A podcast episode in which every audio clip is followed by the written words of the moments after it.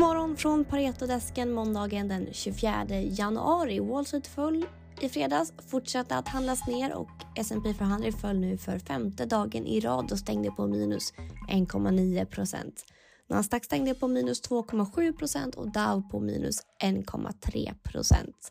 Vi sa i torsdags att Nasdaq handlas i en korrektion efter att ha fallit mer än 10 procent sedan toppen i november. Och nu börjar S&P närma sig samma öde och har nu tappat 8% toppnoteringen.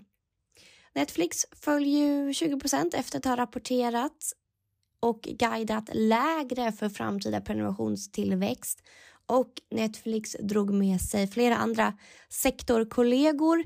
Disney föll nästan 7% Spotify tappade 6% och även eh, Discovery föll på det här lite ledsamma framtidsutsikterna. Bitcoin har tappat eh, cirka 50 procent sedan toppen i november. Jag brukar inte prata så mycket bitcoin, men den här rörelsen är ju eh, någonting att eh, kommentera. Bitcoin handlas nu kring 35 000 dollar och eh, har alltså rasat rejält sedan toppnivån på 69 000 dollar. Är allt dystert nu? Ja, vi får prata med Longview Economics. Vi har ju Fed-möte på onsdag. Vi hoppas att det kanske kan hjälpa börserna. Good morning, Harry. The year has started badly with the equity markets trading lower and lower and lower. Inflation and rate hikes are frightening the markets, but what would you say is the main reason behind the falling markets? Well, it's a great point. I mean, I think, as you say, we're only a few year, we're few weeks into the year, and and and the theme in markets is already pretty well established, and it's you know a theme of high inflation, sharply higher rates and bond yields, and very marked sector rotation out of growth uh, and into the value and cyclical parts of the global equity market. And you know, I think the real driver has been this move higher in rates, higher 10-year yields, particularly real yields, but also nominal. The relationship between real yields and the performance of growth versus value is very, very tight. So, you know, real yields moving up, I think, is a problem, particularly for the US equity market, which is tech heavy. A lot of Europe actually has performed reasonably well. And what would you say could change these patterns? Is it that inflation starts to drop or a change in Fed's uh, tone? Yeah, I mean, we've got the Fed this Wednesday, and so that'll be watched pretty closely. Any kind of tone dovish or hawkish tone from Powell in the press conference afterwards will be will be really key. You know, there are lots of bears making a lot of noise, saying that this is a 2000, early 2000 type situation for tech, or others saying this is more like a 2018 situation. I mean, I think I think inflation's going to start to come off, and as you say, that'll be a really key supporting factor for equity markets generally this year. I mean, this is a multi-month, multi-quarter story, but I, I think inflation is very high, mainly because of goods inflation and a lot of the upward pressure on goods that we've seen in the past 12 months or so, a lot of that is reversing.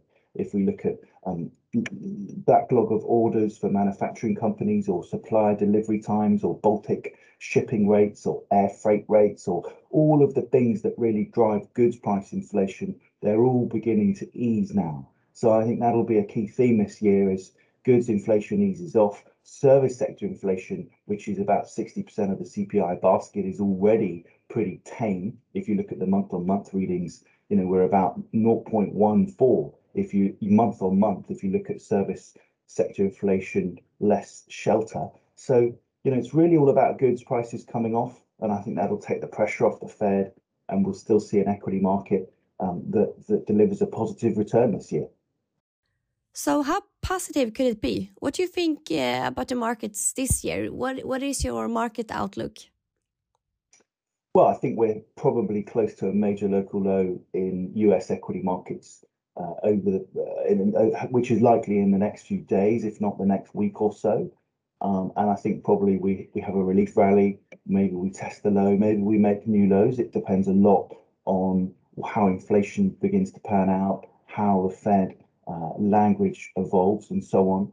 Um, but certainly currently markets are beginning to look very fearful. Um, and then I think we can probably rally from there. And as I say, it depends a bit about uh, uh, whether our view on inflation is right. but I think we could end up with a market that, that closes higher this year potentially. That sounds promising. Thank you very much Harry. Fed möter nu på onsdag alltså. Klockan 20 svensk tid och Powell pratar 2030.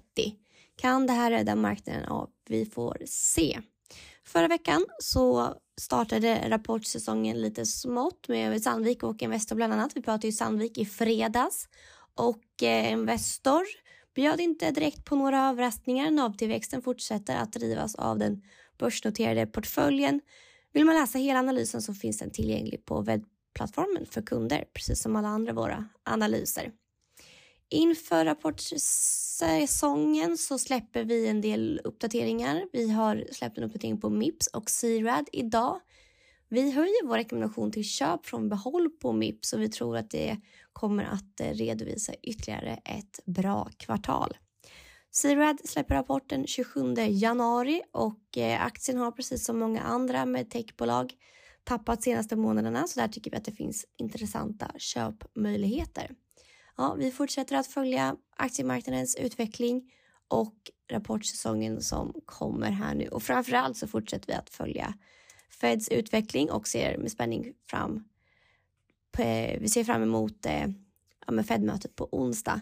Imorgon har vi även en analytikerdragning där vi kommer gå igenom våra favoritcase 2022 så är man kund så kan man lyssna in på det. Det är bara att kontakta er mäklare eller gå in och anmäla er inne på webbplattformen.